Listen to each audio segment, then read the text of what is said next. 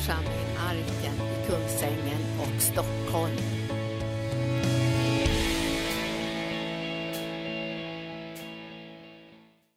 Det här blir ju en, eh, en härlig söndag som vanligt. Alltså, det vill säga att eh, få fira gudstjänst tillsammans, det är själva centrum liksom i församlingens liv. Det är det vi gör så att säga, för att vi ska kunna höra samma sak, se samma sak, inspireras åt samma håll och påminnas om vilken eh, frälsning vi har att förvalta. Och det här är ju så att det, om när församlingen är ivrig och att komma nära Herren, då kommer det innebära att vi drar med oss andra människor som också vill komma till Herren, för de ser hur vi sätter värde på det och de märker hur det här välsignar och påverkar våra liv. Så vi kallar det att vara ett, ett, ett exempel för folk. Och det, här, det, det, är så eh, intressant att se eh, vilken skillnad det gör liksom om, om engagemanget liksom från församlingens hjärta och kärleken till Guds verk är stort och starkt. Då, eh, då öppnas så att säga, på något sätt portarna för människor att kunna komma in. Och då kommer människor från olika håll och, och, de hungrar efter Herren och de kan lära känna honom. Och vi står inte i vägen utan vi är så att säga inkastare istället för utkastare. Eh, man, man, man, har ju sådana ställen där man får stå, stå och kasta, liksom kasta in folk mot deras vilja, men här kommer folk alltså själva. Vi bara får hålla upp dörrarna, för det är, är självklart att vi vill att människorna ska komma inom höror för evangeliet. Det här med att vara en församling är ju liksom att vara, vara en familj, har vi ju hört nu under några dagar. Jag tänkte säga lite grann ytterligare om det där. för att eh, det där med att vara en familj, det, liksom, det antyder att det finns någonting som är, är, är, nära och som är angeläget för en, som, som alltså är, är, ligger nära ens hjärta. Och eh, församlingen ska ligga nära vårt hjärta, det är vår främsta familj. Och varför det, hur man kan säga det då, det tycker jag, jag det är min egen familj som är min främsta familj. Ja, eh, så det, din egen familj, den, den, den, familjen i det naturliga, den biologiska familjen så att säga, eh, så där du bor med en liten grupp, den, den gruppen är viktig för dig. Och den, den gruppen mår bäst av att du har någonting annat som är större Eh, och, och högre än, än bara den gruppen för att det ska kunna fungera bra på, på, på det lägre planet, lägre planet också. Och jag ska tänka det här, Jesus han chockar ju omgivningen med sina uttalanden om det här alla eh, i ett land som, eh, eh, som Israel där man liksom har en väldigt stark betoning liksom på det här med familjen och man, man har mycket sådana liksom, uppmärksammar enheten och samhörigheten i familjen, i släkten och, och, och sådär. Och vilken stam man tillhör och allt möjligt sånt här. Det har varit stora starka liksom, impulser hela tiden till att liksom kännas vid det och hålla fast vid det. Eh, I ett sånt land så, eh, så talar Jesus om eh, den himmelska familjen. Den större familjen, den viktigare familjen. Och jag tänkte vi skulle bara tala och titta på det där liksom som hastigast. Vi har ju varit inne på det lite grann, men, men jag tror aldrig man kan titta på det nog därför att det här är någonting som, som rubbar våra cirklar. Jag tänker, kan det vara så att ska, kan någonting vara viktigare? Vi måste ju tänka på det. En del tänker så här, vi måste ju tänka på barnen. Eller vi måste ju tänka på den som man är gift med och, och, och, hur man vårdar det. Och vi måste ju tänka på det gemensamma och vi måste skydda liksom den egna ekonomin och vi måste tänka att vi klarar vårt boende och, och vi, och, vi måste alltså mat och husrum är självklara saker så här, det måste man ju liksom prioritera och ha ordning på. Och så kommer Jesus han, han, han och säger någonting annat. Han säger liksom att det, den, den, den, den familjen som är min första och främsta familj, det är den som håller sig till till den himmelske Fadern, den som gör hans vilja och följer honom. Nu kan ju det bli samma sak, för det är ju de flestas bön. Jag, jag, jag och min familj, vi vill tjäna Herren. Vi vill följa Herren, vi vill ära honom. Det är ju min bön, det är ju min tro, det är ju det jag sträcker mig efter. Men det, det som är det främsta är ju det att göra just det, tjäna Herren, följa Herren och tro på honom. Och när Jesus svarar så där, eh, när man frågar honom eller, eller liksom hänvisar till, nu kommer familjen och vill ta din uppmärksamhet.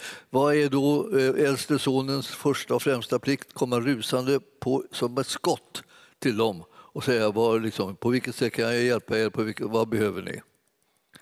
Men, men Jesus eh, säger någonting annat och han, han, han skakar dem. Och vi, vi är egentligen ett folk som eh, har kommit in i en situation där man egentligen beskrivs som att vi kan inte skaka. Guds rike som vi har kommit in i, det är ett rike som inte kan skaka. Och, eh, eh, och, men, men, då pratar vi liksom inte om den lilla familjen liksom som vi har utan vi, vi, pratar om det här att tillhöra Gud, att vara, tillhöra hans familj. Det är att tillhöra ett rike som inte kan skaka. Och där vi, men vi, eh, håller vi oss till den andra, lilla familjen, då, då kan vi skaka. Nästan alla har upplevt det i sina familjer, att man har blivit skakad. Man skakas av omständigheterna, man skakas av, av problemen, om, om, utmaningarna och pressen och, och liksom allt det här som man ska klara av, allt det här som ska fungera.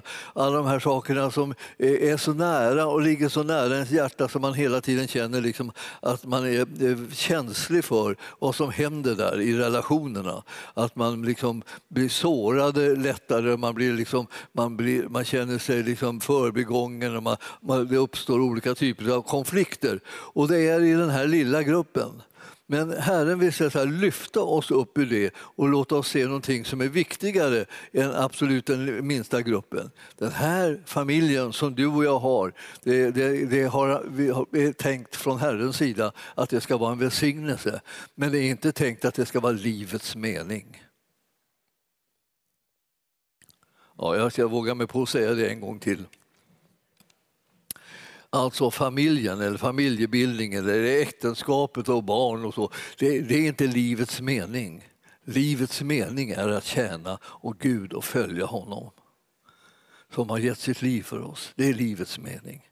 Det livet är av en annan art, det vill säga det har en evighetskaraktär. Och det innebär det att för evigheten kommer vi vara, vi vara i den tjänsten, i den funktionen, i den relationen. Så att, eh, ja, eh, det är viktigt, att viktigt att skilja på det som är välsignelser och, och det som är eh, livets mening. Det här är, man ser ibland att det är i världen och, och kanske också bland kristna att de tänker nästan som att familjen, den lilla familjen, det är, liksom, det är livets mening. Och det är det man strävar efter och får man inte till det så tycker man att man är misslyckad. Det tycker inte Gud. Han tycker att alla ska födas på nytt. Och det säger Jesus till oss när, när, när han kommer in på det här området. Det, ni måste alla födas på nytt, det är viktigt. Han säger inte ni måste alla gifta er. Ni måste alla få barn. Utan han säger bara det, ni måste alla födas på nytt. Alla behöver komma in i mitt rike, alla behöver tillhöra min familj. Och det är det som är Herren, den himmelske Faderns absoluta högprioritering. Därför sände han sin son för att frälsa världen, för han ville att alla skulle tillhöra hans familj. Så att vi skulle kunna slippa ha så många som går omkring och känner sig misslyckade därför att de har haft fel målsättning i livet och tänker att ja, jag har inte nått, nått det och det och jag har inte fått det här och jag har inte blivit välsignad på det här sättet och jag har inte fått det. Så jag, jag är misslyckad. Herren vill bara svepa undan all sådana här, såna här felaktiga tankar om, om oss. Det som, är, det som gör oss lyckade det är att vi har fått en kontakt med den levande guden och det får vi genom tron på Jesus Kristus. Det det är räddningen och det är upprättelsen för människor att kunna veta att det är, det är så det ligger till. Eh, om du har, eh, eh, har en egen familj, så att säga, om du har en släkt och vänner, och om, du, om du har arbete, om du, om du har all prylar och grejer. Så här, allt det här kan vara välsignelser om du har det och det kan kännas kämpigt ibland om du inte har det. Men Herren säger det som ger dig värde i livet och mening, det är det att du har blivit född på nytt, att du tillhör Jesus Kristus, att du har ett evigt liv och en framtid och ett hopp. Det är det som Herren vill ge dig. Han vill liksom få dig att bara sätta ner dina fötter och vara trygg av rätt skäl. Och inte liksom tro att trygghet ska finnas i bara de här sakerna som är tänkta som välsignelser. Och jag tror att, alltså, att det här är liksom någonting som vi behöver liksom tänka om. Hur, kan, kan det vara på det här viset? Alltså, är, är det verkligen det som Herren säger?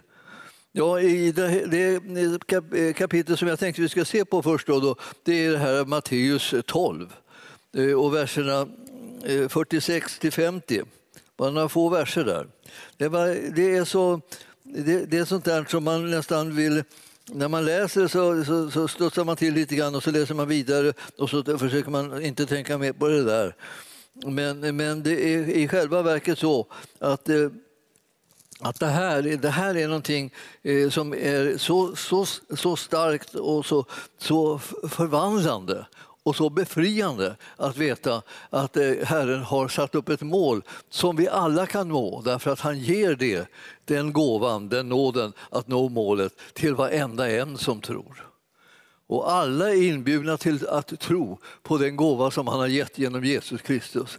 Alla är inbjudna att tillhöra hans familj och bli födda på nytt, så att säga, en andra gång. Inte bara hit till världen, utan sedan in i den himmelska familjen i evigheten. Och här står det så här att medan Jesus, från vers 46 där, medan Jesus ännu talade till folket så stod hans mor och hans bröder utanför och ville tala med honom. Så mitt medan han höll på där så eh, stod hans mor och bröder utanför och ville tala med honom. Så ungefär som att eh, Jesus stod, ungefär som jag står och predikar nu, han stod och undervisar folket och så får han, eh, kommer någon springande in och liksom talar om för honom att mamma och bröderna står där utanför, de vill tala med honom. De tänkte sig inte att det skulle spela någon roll liksom, att han stod där och talade med folket utan och att de kunde vänta, utan de trodde att de var prioritering nummer ett. Så kommer mamma då bara då säger jag, ursäkta mina vänner, mamma är här. Jag måste kila ett slag. Och så kilar jag ut och så kan ni, ni kan väl sjunga en, en sång eller läsa lite i Bibeln eh, medan, medan jag är borta. Och så kommer jag tillbaka sen när vi har hört vad mamma säger. Och jag menar, eh, det här, han var vuxen. Och eh, han, han, han, han bodde liksom inte hemma nämnvärt mycket eh, med mamma utan han, han, han bodde i Kapernaum. Alltså det, här, det här var liksom, men det var ändå självklart att så kommer mamma så släpper vi allt och så, och så springer vi dit. Och, och, det är klart man ska visa eh, eh, sina föräldrar aktning och, och, man ska ta hänsyn till dem. Men det är inte hur som helst. Och då står det så här att det, eh, någon sa då till honom, din mor och dina bröder står här utanför och vill tala med dig. Och han svarade, vem är min mor och, och vilka är mina bröder? Alltså folk höll ju på att trilla omkull om de inte redan liksom var sittande. Men det var ju som, det var en chock att få höra ett sånt svar. Vad säger han? Vem är min mor och vilka är mina bröder? Ja, och han räckte ut handen mot sina lärjungar och sa Här är min mor och mina bröder, sa han. Och så pekade han på det folket som var samlade runt omkring honom som lyssnade till hans undervisning och ville följa honom och den väg som han gick på. Här är de. Och eh, var och en, säger han för att förtydliga det där, som gör min himmelske faders vilja är min bror och min syster och min mor. Det är de. Det är de som är familjen. Den stora familjen, den viktigaste familjen, familjen nummer ett alltså.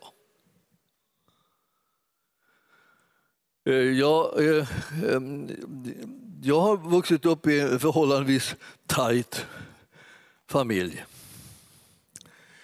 Eh, och eh, de tjänar Herren och så. Jag har alltid fått höra att Herren är först. Alltid fått höra att Herren är först. Och man kunde tro liksom att det skulle liksom vara någon slags eh, eh armod som drabbar liksom den, den, eh, den, lilla familjen, då, att Herren skulle komma före. Och, och, och, den här familjen som nu Jesus hade, eh, eh de skulle komma i andra hand. Ja, och så där sa vi till varandra, liksom också Linda och jag, när vi, när vi planerade att gifta oss. Alltså, att, eh, vi sa till varandra, du, är, du kommer i andra hand. även om du är jätteviktig för mig, så är du i andra hand därför att eh, Jesus är den första. Vi hade redan honom där, han var den första. Och eh, det var hans vilja som vi skulle följa. Och vi var överens om det, att vi skulle följa honom. Inte, inte att han skulle bara liksom komma och följa oss och serva oss medan vi var lyckliga tillsammans, utan vi ville eh, följa honom och det var vi överens om. Så vi söker hans vilja för att följa honom. Och det är en fantastisk frihet att ha det så istället för att hålla på hela tiden och tänka att det här som vi håller på att ordna själva, det är det viktigaste som finns. Det är det inte. Det, det viktigaste som finns är det som han har gjort, det som han har gett och det som han vill göra genom oss. Och därför när han, när han då ska fortsätta sitt verk bland oss människor så fortsätter han inte bara det liksom blir den enskilda människan, att han föder den på nytt. Sen Sen ber han att den här enskilda människan som har blivit född på nytt ska låta sig sammanfogas med alla de andra som är födda på nytt för att utgöra hans kropp och göra hans vilja tillsammans. Så det här att vi har blivit en församling det är en kallelse från Herren att göra hans vilja tillsammans. Det är, liksom inte, det är, inte, det är inte bara liksom det att vi, åh oh, vad, vad bra så här församling, någon uppmuntrar en lite grann, någon tröstar en, någon hjälper en lite, någon, vi, vi, ställer upp lite för varandra och så där. Och det är klart vi gör. Men det är inte det som är själva huvuduppdraget. Huvuduppdraget är att tillsammans göra hans vilja, som en enda kropp. Så när han har fött oss på nytt och, och då kommer vi att tillhöra honom. Vi tillhör vi honom så är det hans vilja som råder i våra liv. Så vi ska följa honom tillsammans så vi kan prata med varandra om hur ska vi följa Herren? Hur ska vi tjäna Herren tillsammans? Hur ska vi kunna hjälpas åt för att göra Herrens vilja? Liksom? Eh, vi, vi, behöver inte liksom hålla på och krångla med varandra för vi är redan överens om att vi har kommit och gett vårt liv till Herren och det är hans vilja som vi vill ska ske. Hur ska vi, hur ska vi sammanfoga det här nu då så att det fungerar? Vad har vi för gåvor? Vad har vi för utrustningar? Vad har vi för kallelser? Vad har vi för möjligheter? Så att var och en enskilt och vilken plats behöver vi fylla då med, med det som vi har och ställa det till Herrens förfogande så att hans vilja sker. Ja, jag jag tycker att det är en lättnad att hans vilja ska ske. För varje gång som vi tänker på det här att, eh, att min vilja ska ske eller din vilja ska ske så ska det komma in någon slags dragkamp och tävling och liksom brottningskamp om, om vems, vems vilja som ska slå igenom. Vi ska, vi ska se vad är det som är hans vilja. Vi ska söka hans vilja. Och det är därför som vi läser våra biblar allihopa. Alltså, om det vore så här nu då, att det, det, spelar ingen roll vad du hittar i Bibeln, det spelar ingen roll vad du läser där, utan det räcker att pastorn läser sin bibel och talar om vad det är som vi ska göra och så det, det räcker det. Så är det, då. det är mycket enklare. Liksom. Ju mer alla, alla möjliga läser så ser de allt möjligt och så där och det blir jättemycket liksom, saker som, som måste liksom bearbetas och, och samtalas om så för att det ska komma bli en klarhet om vad är det som är Herrens vilja för oss. Och så har vi någonting som är som ett suveränt hjälp, hjälp i, i, det här. Och det är det att vi har, Herren har kommit och gett oss en vision, det vill säga han har gett oss ett ord eller en kollektiv kallelse som han har talat till oss. Och det är det som vi hittar i Hesekiel 34 och 4 där och, och 16. Vi känner alla till det. Alla som har gått in i församlingen känner till det här, att det är det här som vi har tillsammans att förvalta. Det är väldigt liksom övergripande, men det handlar om helande tjänst. Alltså. Det handlar om frälsning, det handlar om, om befrielse, det handlar om upprättelse av människor. Det är sånt som vi har blivit kallade tillsammans att liksom särskilt fokusera på. Och det, det, känner vi till allihop. Så att det, det, man kan säga på det sättet blir det liksom aldrig riktigt något nytt utan det blir det hela tiden detsamma. Men det blir liksom hela tiden vidgade områden och, och nya liksom vägar som Herren visar, nya sätt och, och, så att säga, och tackla de här sakerna på. Och jag är övertygad om att om vi ägnar oss åt det här så skulle vi alla få en väldig lättnad. Så slipper vi hålla på ibland och böka med varandra för ibland när vi gör det så blir inte det någon särskild njutning och inte någon större glädje heller heller. Utan vi vill, vi vill tjäna Herren, där ligger själva glädjen. Där liksom ligger den kraften förlöses. Där ser vi undren, där ser vi möjligheterna därför att vi får tjäna Gud. Alltså vi alla blir så välsignade när vi får lov att tjäna Gud tillsammans. Ni ser att Jesus han, han, han betonar, han säger att de som tillhör min familj, det är de som gör min himmelske faders vilja.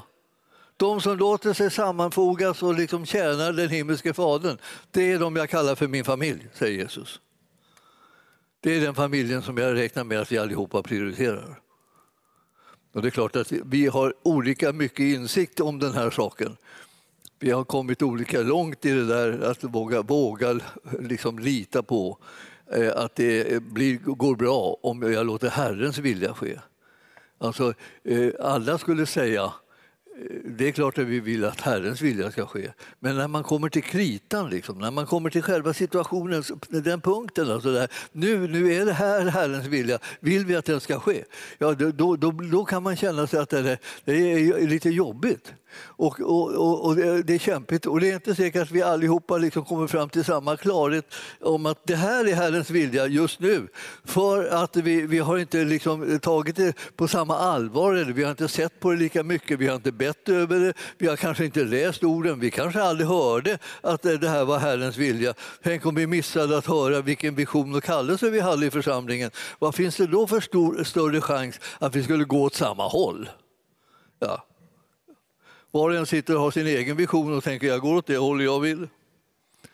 Och det är klart att det, det, det, kan du ju göra naturligtvis, men det här med att komma med en kollektiv kallelse, det är någonting som Herren gör. Han kommer med den kallelsen och ger den till oss för att den ska hjälpa oss att hålla ihop i församlingen så att vi kan göra det som han önskar. Jag tror att vi, vi kommer bli lyckligare och lyckliga i kubik när vi börjar liksom förstå den typen av prioritering. Då tänker jag ja, nu börjar vi bygga Guds familj. Alltså någonting som är större och vidare och som är viktigare liksom än oss själva och viktigare än bara de som är närmast eller bara de som vi gillar, gillar mest eller känner bäst. Eller, eller sådär. Eh, det, det, är det finns någonting större och det, det, det är Herren och hans familj, hela hans familj. Och så övar vi oss i att göra saker ihop. Och vi tjänar honom på det sättet. Ska vi kunna göra det här så att det blir riktigt, till en riktig glädje så, så behöver man ju se att Jesus verkligen betonade. Om ni går med, med mig till Johannes eh, kapitel 3, Johannes evangelium kapitel 3, så, så säger Jesus om oss allihopa som finns här på jorden då genom att vi har blivit födda liksom av föräldrar eh, och eh, eh, in i en, i en värld och har liksom rent biologiskt så existerar vi nu i den här världen. Och då säger Jesus att nu tillkommer det någonting för att det här inte bara ska bli en privatsak. Så tillkommer det någonting. Ni måste alla komma in i en annan familj än den som ni hamnade i genom, genom bara den biologiska födseln. Det är den familjen som du och jag liksom ser hur vi här vittnar om när vi, när vi låter löpa oss att vi har kommit in i den familjen. Vi tror på Jesus och då har vi kommit in i en annan familj. Den stora familjen som kommer som först av allting annat. Och där står det så här att, att eh, Jesus säger i, i, i 3 och 3 i, i Johannes evangelium Jesus sa amen, amen säger jag, säger jag dig. Eh, det, det, är inte, eh, den som inte blir född på nytt kan inte se Guds rike.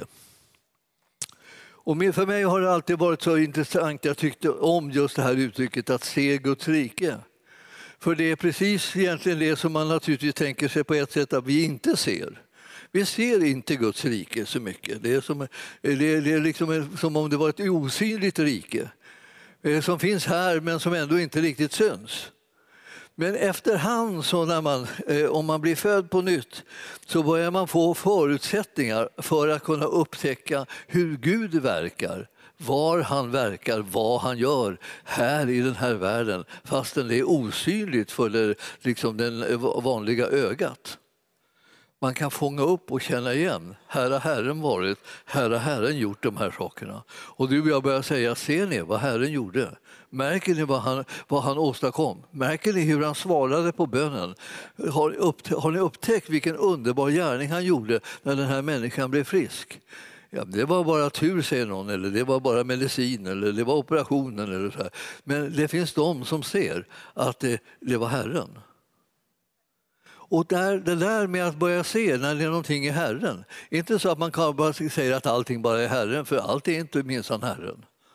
För i den här världen finns det andra krafter som också är i rörelse och som har helt andra målsättningar och helt andra liksom, effekter in i människors liv än den som, det som kommer från Herren. Men Herrens vilja är god. Och han, när han börjar göra saker för oss som är i linje med hans ord och hans vilja, som vi vet att hans son Jesus Kristus hela tiden sysslade med när han var här på jorden. Han gjorde gott och han botade alla som var under djävulens våld. För Gud var med honom, står det i Apostlagärningarna 10. Alltså, så det, han, han hade en plan och han gjorde det på det här sättet därför att han var där för att göra Guds gärningar. Och då blir det plötsligt synligt att här är det någon som helar. Det är inte djävulen som går omkring och helar människor utan han har gjort motsatsen. Men det är Herren som kommer om intet gör djävulens gärningar och ser till att människor blir botade. Och då ger vi Herren äran och så säger vi vi ser att du har gjort det här och vi tackar och prisar dig för din oerhörda godhet och omsorg om oss. I stort och smått kommer han att visa sig hur han har omsorg om dig och mig i alla livets olika områden. Och han gör det på ett underbart sätt. Och vi, vi, och vi står där liksom alldeles häpna över det. Ibland tänker man så här, ja, vad gjorde jag då, då, i den här situationen, i den nödsituation som jag var? Jag gjorde bara det, jag knäppte mina händer. Och jag sa, Herre hjälp, jag, jag, jag, behöver hjälp. Eh, hjälp mig, eh, ge mig en utväg, ge mig en lösning, ge mig kraft till att klara det här. Och, och så står jag i, i, i nästa stund och ser hur Herren har lagt det hela till rätta och, eh, och hjälpen har in, infunnit sig. Man kan, bedja, man kan ju bedja om människor, man kan bedja om, om pengar, man kan bedja om hälsa, man kan bedja om krafter, man kan bedja om goda idéer och tankar, goda utvägar och lösningar. Man kan bedja om förmåga att kunna göra goda saker in i andra människors liv. Förmågan liksom att kunna församla människor så att de kommer samman och inom hörhåll för evangelium. Man kan göra mängder med saker och man ber om det och Herren kommer och samverkar med vår bön och eh, vi ser ser hur, hur bönesvaret kommer. Jag, jag kan säga, det, det, det, är som att man går omkring och tänker, tänker att det är ett under att kunna se hur Guds rike håller på att upprättas. Eh, eh, man kan se det i enskilda människors liv, men man kan se det liksom i församlingens liv som sådant. Att här börjar Guds rike växa fram. Det börjar bli så här att vi tillsammans, allihopa, eh, mer eller mindre så här, börjar prioritera det som Gud vill istället för att prioritera bara vad vi önskar själva. Och ni förstår att när det där börjar ske och vi ser det så känns det så, så härligt med den här närvaron Säga, närvaron är liksom inte en upplevelse sådär som bara ska finnas för upplevelsens skull. Eller ungefär som man tänker när man blir andedöpt. Det är så, oh, så underbart för det liksom pirrar i hela kroppen eller, liksom, eller så. känns så ljuvligt. Det, det får du gärna göra, kännas ljuvligt. Vi välkomnar det. Men det är inte därför som Herrens ande har kommit. Herrens ande har kommit för att ge oss kraft och rusta oss för att göra Guds vilja på det övernaturliga planet. Alltså. Då vi inte när vi ser någonting är omöjligt så tänker vi inte så här, det är omöjligt, jag måste gå därifrån, det är ingen idé, jag kan inte sånt där, det är helt omöjligt. Utan då tänker jag så här, men Herren har gett mig kraft att övervinna det omöjliga och göra det eh, omöjliga möjligt istället. Och då ber jag till honom och sen kliver jag in och så eh, gör jag mig beroende av hans goda tankar och hans väldiga fantastiska idéer och så handlar jag på dem och så börjar hela omständigheterna förändra sig sig. Vi känner till att vi är rustade med kraft. Vi känner till att vi har utvägar och lösningar. Vi tror inte bara liksom så här, ja, och så kommer det svårigheter, ja då ger vi upp. Alltså. Ja, jag som trodde att han skulle hjälpa oss och jag som trodde att han skulle höra bön och jag som trodde att allting skulle bli bättre.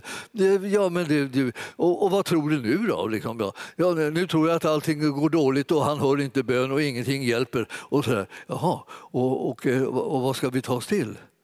Ja, det finns ingenting att ta sig till om vi överger honom och inte tror på honom som är den enda hjälp som vi egentligen har. Han som har gett oss den verkliga kraften, han som gett oss alla utvägarna och lösningarna. Om vi släpper honom, ja då har vi ingenting att vända oss till mera. Det är bara, då, har man, då är det bara att lägga sig ner och dö. Det finns ingen hopp. Men nu har Jesus Kristus uppstått ifrån de döda och därför finns det hopp och det finns evigt liv och det finns lösningar och det finns utvägar och det finns kraft och det finns hjälp för varenda människa som sätter tro till honom. Och det är det vi ska predika och det är det vi behöver höra tillsammans. Annars så kommer vi liksom bli, en del lägger sig där och liksom ger upp och en del ligger där och ger upp och den ligger där och ger upp. Istället för att vi allihopa reser på oss och tänker vi ställer oss upp i uppståndelselivets kraft istället och så står vi där och sen gör vi Herrens vilja, vare sig det ser ut som det var möjligt Möjligt eller inte. För för Gud är allting möjligt. Och när man då börjar ta steg in i hans vilja så kommer han med sin väldiga kraft och bistår oss så att det, vi kan göra det som förändrar den här världen. Dra inte undan från det som är övernaturligt, utan kasta det in i det. Det är det som är liksom lösningen. För hjälpen finns hos Herren alltid, alltid, alltid. Och det, det, spelar ingen roll hur omständigheterna ser ut. Det är inte dem vi, vi söker hjälp hos, utan vi söker hjälp hos Herren. Och därför så kan vi proklamera hans herravälde och hans makt jämt och ständigt och alltid förvänta oss att lösningarna kommer. Han är mäktig att hjälpa var och en som söker honom. Så tro inte att du är något undantag så att du liksom ligger utanför och hjälpen når inte dig. Och så. Det gör den visst det. Men den, hjäl den hjälpen som han vill ge dig, den, den, bygger på någonting, nämligen det han har gjort för dig. Den hjälpen som han, han redan har givit till dig och han väntar sig att du ska tro honom om den. Och jag känner att det, det här är så det här är så härligt liksom att, att vi har kommit in i hans familj. Alltså. Eh, ska vi gå till Andra Korinthierbrevet 6? Eh, och, eh, det, det, finns ju så väldigt många bibelställen som handlar om det här. Och jag, ska, jag, har, jag har bestämt mig för att jag ska bara ta fram ett fåtal, men ens beslut är ju inte alltid så där hållbara. Här står det i alla fall så här att, att vi, vi i sjätte kapitlet i Andra Korinthierbrevet och eh, verserna 17 och eh, 18. Därför säger Herren, gå ut ifrån dem och skiljer från dem och rör inte vid något orent så ska, skall jag ta emot er. Det vill säga koppla inte ihop med dem som går på en annan väg än den som är Herrens. Utan eh, skiljer från dem, det vill säga gå ifrån dem och koppla ihop med det som Gud säger istället. Då ska han ta emot oss. Och jag ska vara er far och ni ska vara mina söner och döttrar, säger Herren den allsmäktige. Koppla inte ihop fel, koppla ihop med Herren. Han har, han har kommit, han har sänt sin son, han har vunnit seger. Koppla ihop med honom. Den segern är tillräcklig för varenda människa.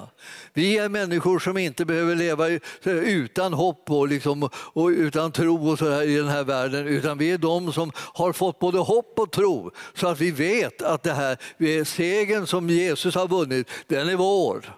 Och därför är vi frimodiga när vi tänker på hur vår framtid ser ut och vilka möjligheter vi har och vart, eh, vad vi ska kunna åstadkomma i tjänst för Herren. För han bistår oss med sin väldiga styrkas kraft. Och det här är liksom ett, eh, man kan tänka, jaha, det här tycker du då? Nej, det här tycker Herren och det är det han säger i sitt ord. Och du kan titta efter själv, det är därför jag ger dig bibelställen, för att inte du ska bara tänka så här, ja, nu står han och tycker någonting som inte jag alls tycker. Så vi kan tycka olika då. då. Ja, vi inte bara tycker olika, utan vi, en tycker fel och en tycker rätt. Den som håller sig till Guds ordet tycker rätt. Börja tro på rätt saker, börja vila i det som är Guds gärning och, och låter sig inte bedras.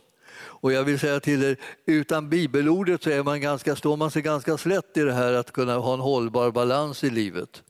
Det är genom att man har bibelordet där och alla löftena och alla påminnelserna om Jesu fantastiska gärningar när han frälste hela världen.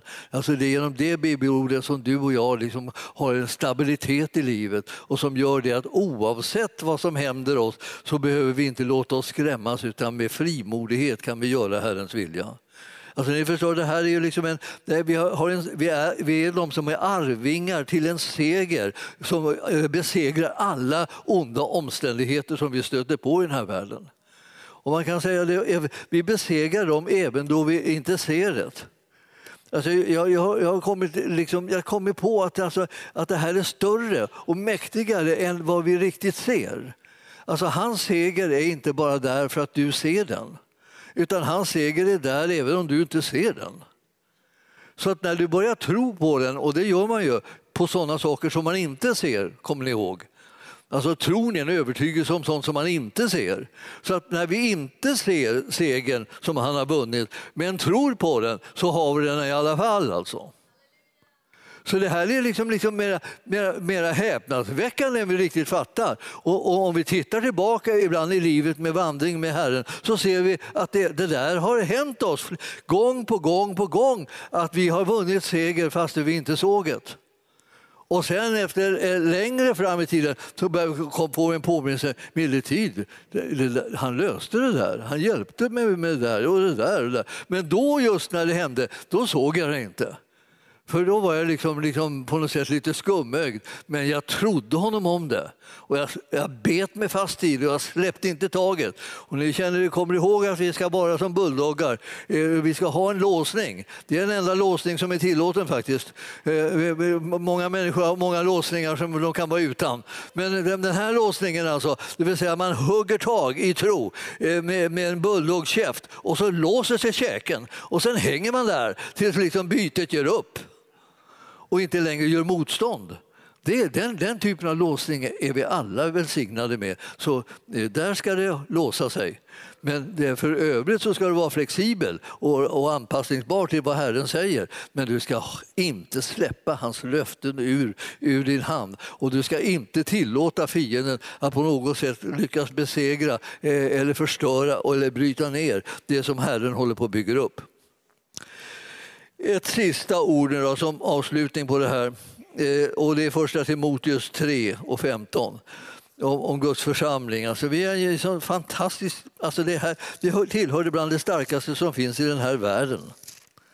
Och, eh, och, och därför är det så väldigt viktigt att vi eh, inte missförstår det här och tror att det inte är någonting.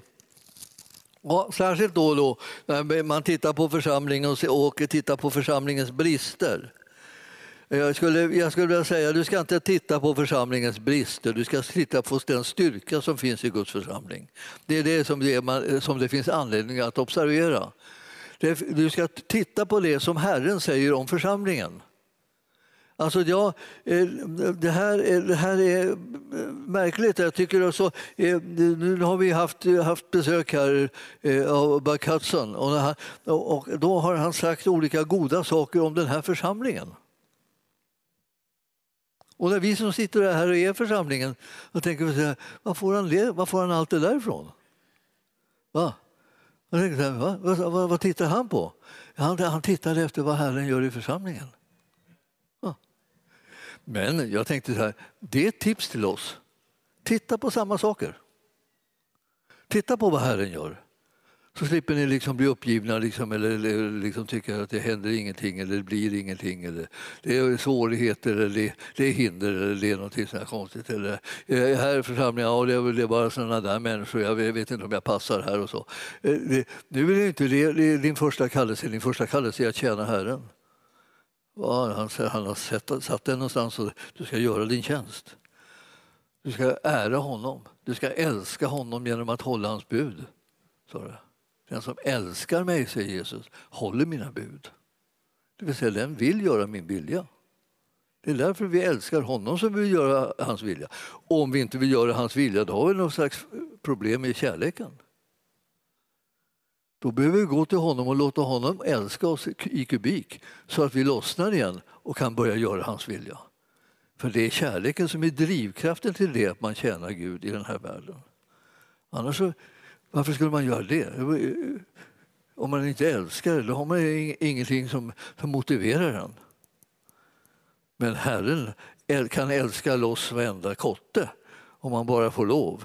Så, så säg till honom tyst för dig själv, du får lov. Älska mig så att jag känner att jag kan tjäna dig med glädje och, och tacksamhet. Ett helt annat liv det än att gå omkring och knyta sig och, och, eh, knota och, och, se, och se alla svagheter. Ja, strunt i svagheter, det är ointressant. Vi ska ha, Herrens styrka är intressant. Och du tänker, vadå, ska, ska, vi ska nonchalera mina svagheter? Ja, varför inte? När du har möjlighet att tänka på Herrens styrka istället och den står till ditt förfogande, då behöver du inte hålla på och väsnas om dina svagheter så jättemycket. Då, då. Utan väsnas om honom. Plötsligt så känner du att den styrka som han har gett dig, den är liksom närvarande och den bär dig och den övervinner det här som annars har försökt att bryta ner dig. Halleluja sa ni allihop. Ja visst, nu då. Men om jag dröjer står det nu i, i 3 och 15 här i eh, första Timoteus 3 och 15. Men om jag dröjer så ska du veta hur man bör förhålla sig i Guds hus som är den levande Gudens församling. Så det här pratar lite grann hur du ska förhålla dig i Guds hus eh, för det är den levande Gudens församling. Alltså, det, det, hur bör man förhålla sig? Om du ställer den frågan till Herren, hur bör jag förhålla mig när jag är i Guds hus? När jag är med de andra syskonen, hur bör jag förhålla mig? Jag behöver förhålla mig som han vill att jag ska förhålla mig. Hur vill han? Jag ska älska eh, syskonen och jag ska tjäna syskonen och jag ska tjäna tillsammans med syskonen och jag ska ära Jesus med mitt liv. Ja, det är sånt där tror jag, som eh, han kommer att tipsa en om. Då, då om man inte redan har det tipset liksom, och, och fått det. det. det. har vi väl de flesta redan. Då står det alltså, för hur, ska man, hur bör jag förhålla mig i Guds hus som är den levande Gudens församling? Vad är den mer då? Den är sanningens eh, eh, eh pelare och grundval. Så om vi är intresserade av sanningen, ska ha något fäste i den här världen, då behöver vi förhålla oss rätt till Guds församling och Guds familj. Så att vi är del i det och är, där och står till förfogande där så att församlingen kan göra det som Herren har kallat den till. Annars så kommer sanningen att liksom eh, hänga löst. Jag förstår det, det, här, det här som vi vill, alltså Guds sanning. Guds sanning om Jesus Kristus, budskapet och evangeliet som vi ska få ut. Om inte vi förhåller oss rätt i Guds församling så kommer eh, det här budskapet som vi har att förvalta att bli så osynligt och så obemärkt att det liksom blir eh, en katastrof för hela landet. Och vi är liksom på något sätt på väg ditåt i det här landet. Men alltså, att det har blivit så försvagat, det budskapet, och så har fått en sån osynlighet i evangelium att, att människorna vet inte vad de ska ta vägen. Och, och, eh, och, och de lever så att säga med, i en ständig känsla av liksom att det här, det här, det här är, eh, det, det rasar överallt och det är osäkert och, och, och, eh, det är smärtsamt och man vet inte hur man ska hitta några lösningar och var finns hjälpen och alltihopa. Och folk blir, mår sämre och sämre och sämre och sämre. Medan vi har fått en, en en herre som har kommit hit för att rädda folket. Och vi är budbärarna som ropar ut det. Hör evangelium. Hör Herrens röst. Hör hur han vill hela, befria och upprätta folket. Hör hur han vill frälsa dem från allt det onda, lösa dem från synden. Hör hur han vill föda dem på nytt och föra dem in i sitt rike, in i sin familj så att de känner trygghet, så de har ett sammanhang, så det finns en mening med livet och så kan de tillsammans genomföra det som är Herrens plan och vilja och gudsriket kommer att upprättas. Då får människor nytt hopp och de får nytt mod att leva leva. Och det är det som är vårt uppdrag, att liksom göra det uppenbart för var och en. Jesus har ju kommit, räddningen är ju här, hjälpen finns för handen. Så alla ska höra det, alla ska veta om det och alla ska ha möjlighet att få ta emot det. Himmelske Fader, vi tackar dig för ditt ord, för att det är levande och verksamt, för att det ger oss hopp för framtiden, att det ger oss utvägar och lösningar, att det ger oss kraft så att vi kan göra din vilja och förhärliga ditt namn. Vi tackar dig för att du har en sån kärlek till människorna och vi tackar för att du har en sån kärlek till alla de människor som har samlats här i församlingen och gäster som kommit hit, här och alla de människor som finns i det här samhället. Vi tackar dig för den kärlek som du har till dem om och, och runt om hela Sverige. Och låt oss, Herre, på olika sätt hitta de vägar som vi ska gå på för att göra din vilja och för att nå ut med budskapet till alla de människor som du har räknat med att vi ska gå till. Tala till oss att vi hör det. Tala till att vi ser vad det är som är din vilja. Tala till oss så att vi förstår vilken kraft som bistår oss så att vi inte behöver vara rädda för människor eller omständigheter eller situationer. Vi prisar dig Herre för att vi får proklamera ditt ditt rike eh, håller på att utbredas. Ditt rike håller på att nå fram till människorna och det är ett rike där fullt av kraft och helande, kärlek och befrielse och hopp och möjligheter. Och jag prisar dig för att det ska fler och fler höra, fler och fler ska dras in i den underbara gemenskap som du har i din familj för oss alla. I Jesu namn och församlingen sa Halleluja, prisad vare Gud.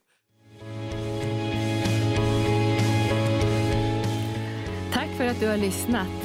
Vill du få del av mer information om församlingen Arken, vår helande tjänst, bibelskola och övriga arbete, gå in på www.arken.org.